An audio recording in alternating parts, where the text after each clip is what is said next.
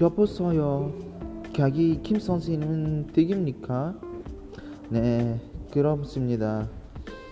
실례지만 누구세요? 저는 일식입니다. 김 선생님의 친구입니다. 선생님이 선생님 계십니까? 아니요, 지금 안 계세요. 와, 그러면 다시 전화하겠습니다. 안녕, 안녕히 계세요.